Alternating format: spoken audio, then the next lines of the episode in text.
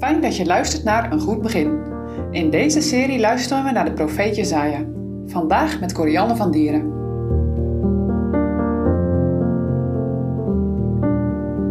Spurgeon vroeg eens iemand hoe het met zijn zieke vriend ging. Die persoon schudde zijn hoofd en zei: Helaas, ik moet u zeggen dat het niet lang meer duren kan. Het is nog maar een kwestie van tijd. Zijn leven hangt aan een draad. Het antwoord van Spurgeon was kort en bondig. Dat is met mij ook zo. De vijand is vertrokken, maar Jeruzalem viert geen feest. De sfeer in het paleis is bedrukt. Koning Hiskia is ziek en wordt steeds zieker. Na een periode vol voorspoed is alles veranderd. Hiskia moet zich voorbereiden op zijn dood. We lezen daarover in Jesaja 38, vers 1 tot 8.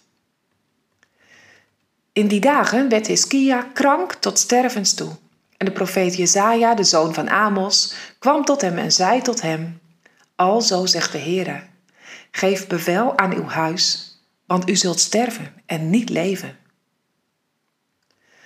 Toen keerde Hiskia zijn aangezicht om naar de wand en hij bad tot de Heere. En hij zei: Och Heere, gedenk toch dat ik voor uw aangezicht in waarheid en met een volkomen hart gewandeld en wat goed in uw ogen is gedaan heb. En Hiskia weende ganzeer. Toen geschiedde het woord van de Heere tot Jezaja, zeggende: Ga heen en zeg tot Hiskia: Zo zegt de Heere, de God van uw vader David. Ik heb uw gebed gehoord, ik heb uw tranen gezien. Zie, ik zal vijftien jaar tot uw dagen toedoen. En ik zal u uit de hand van de koning van Assyrië verlossen, mitsgades deze stad. En ik zal deze stad beschermen. En dit zal u een teken zijn van de Heere, dat de Heere het woord dat hij gesproken heeft doen zal. Zie, ik zal de schaduw der graden, die met de zon in de graden van Agas zonnewijzer nederwaarts gegaan is, tien graden achterwaarts doen keren. Daarom is de zon 10 graden teruggekeerd in de graden die zij nederwaarts gegaan was.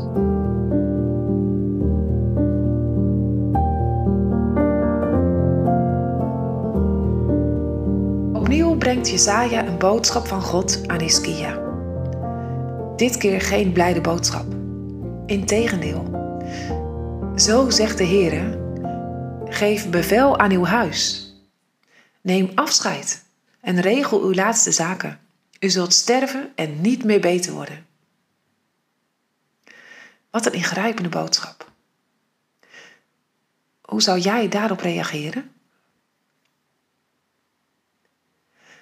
Wanhopig draait Hiskia zich om, met zijn gezicht naar de muur, in de richting van de tempel, de plek waar hij zo graag kwam. Hij huilt en hij bidt. Ook nu is zijn eerste reactie bidden. O Heere, wilt u eraan denken dat ik u trouw geweest ben? Ik heb u toch steeds gehoorzaamd? Hij herinnert de Heere aan alles wat hij gedaan heeft, hoe hij de tempeldienst hersteld heeft, hoe hij het volk voorging in de dienst van de Heere. Ja, Hiskia weet heel goed dat ook hij alleen van genade kan leven. Hij kan niets verdienen. Maar hij heeft wel met een eerlijk hart oprecht de Heere gediend Komt daar nu een eind aan? Ga terug naar Iskia en zeg hem dat hij zal genezen.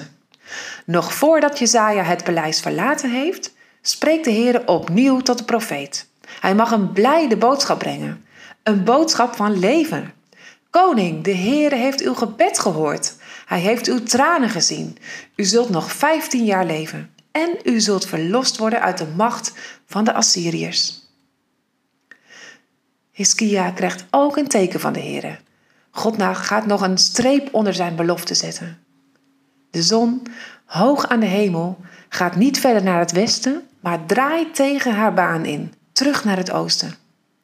De Heere laat iedereen zien dat Hij alle macht heeft in de hemel en op de aarde. Kun je begrijpen dat Hiskia vol vreugde een lied zingt? In de podcast van morgen zullen we dit lied samen lezen. Denk nog even terug aan het begin. Aan dat wat Spurgeon zei.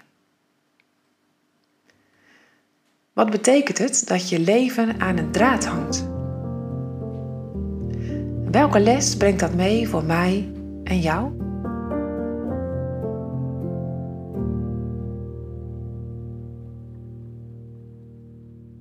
Volgende week begint een nieuwe serie over Advent. Zoek alvast op danielonline.nu in jouw podcast-app en kies voor abonneren. Heb je vorig jaar ook naar onze Advent-podcast geluisterd?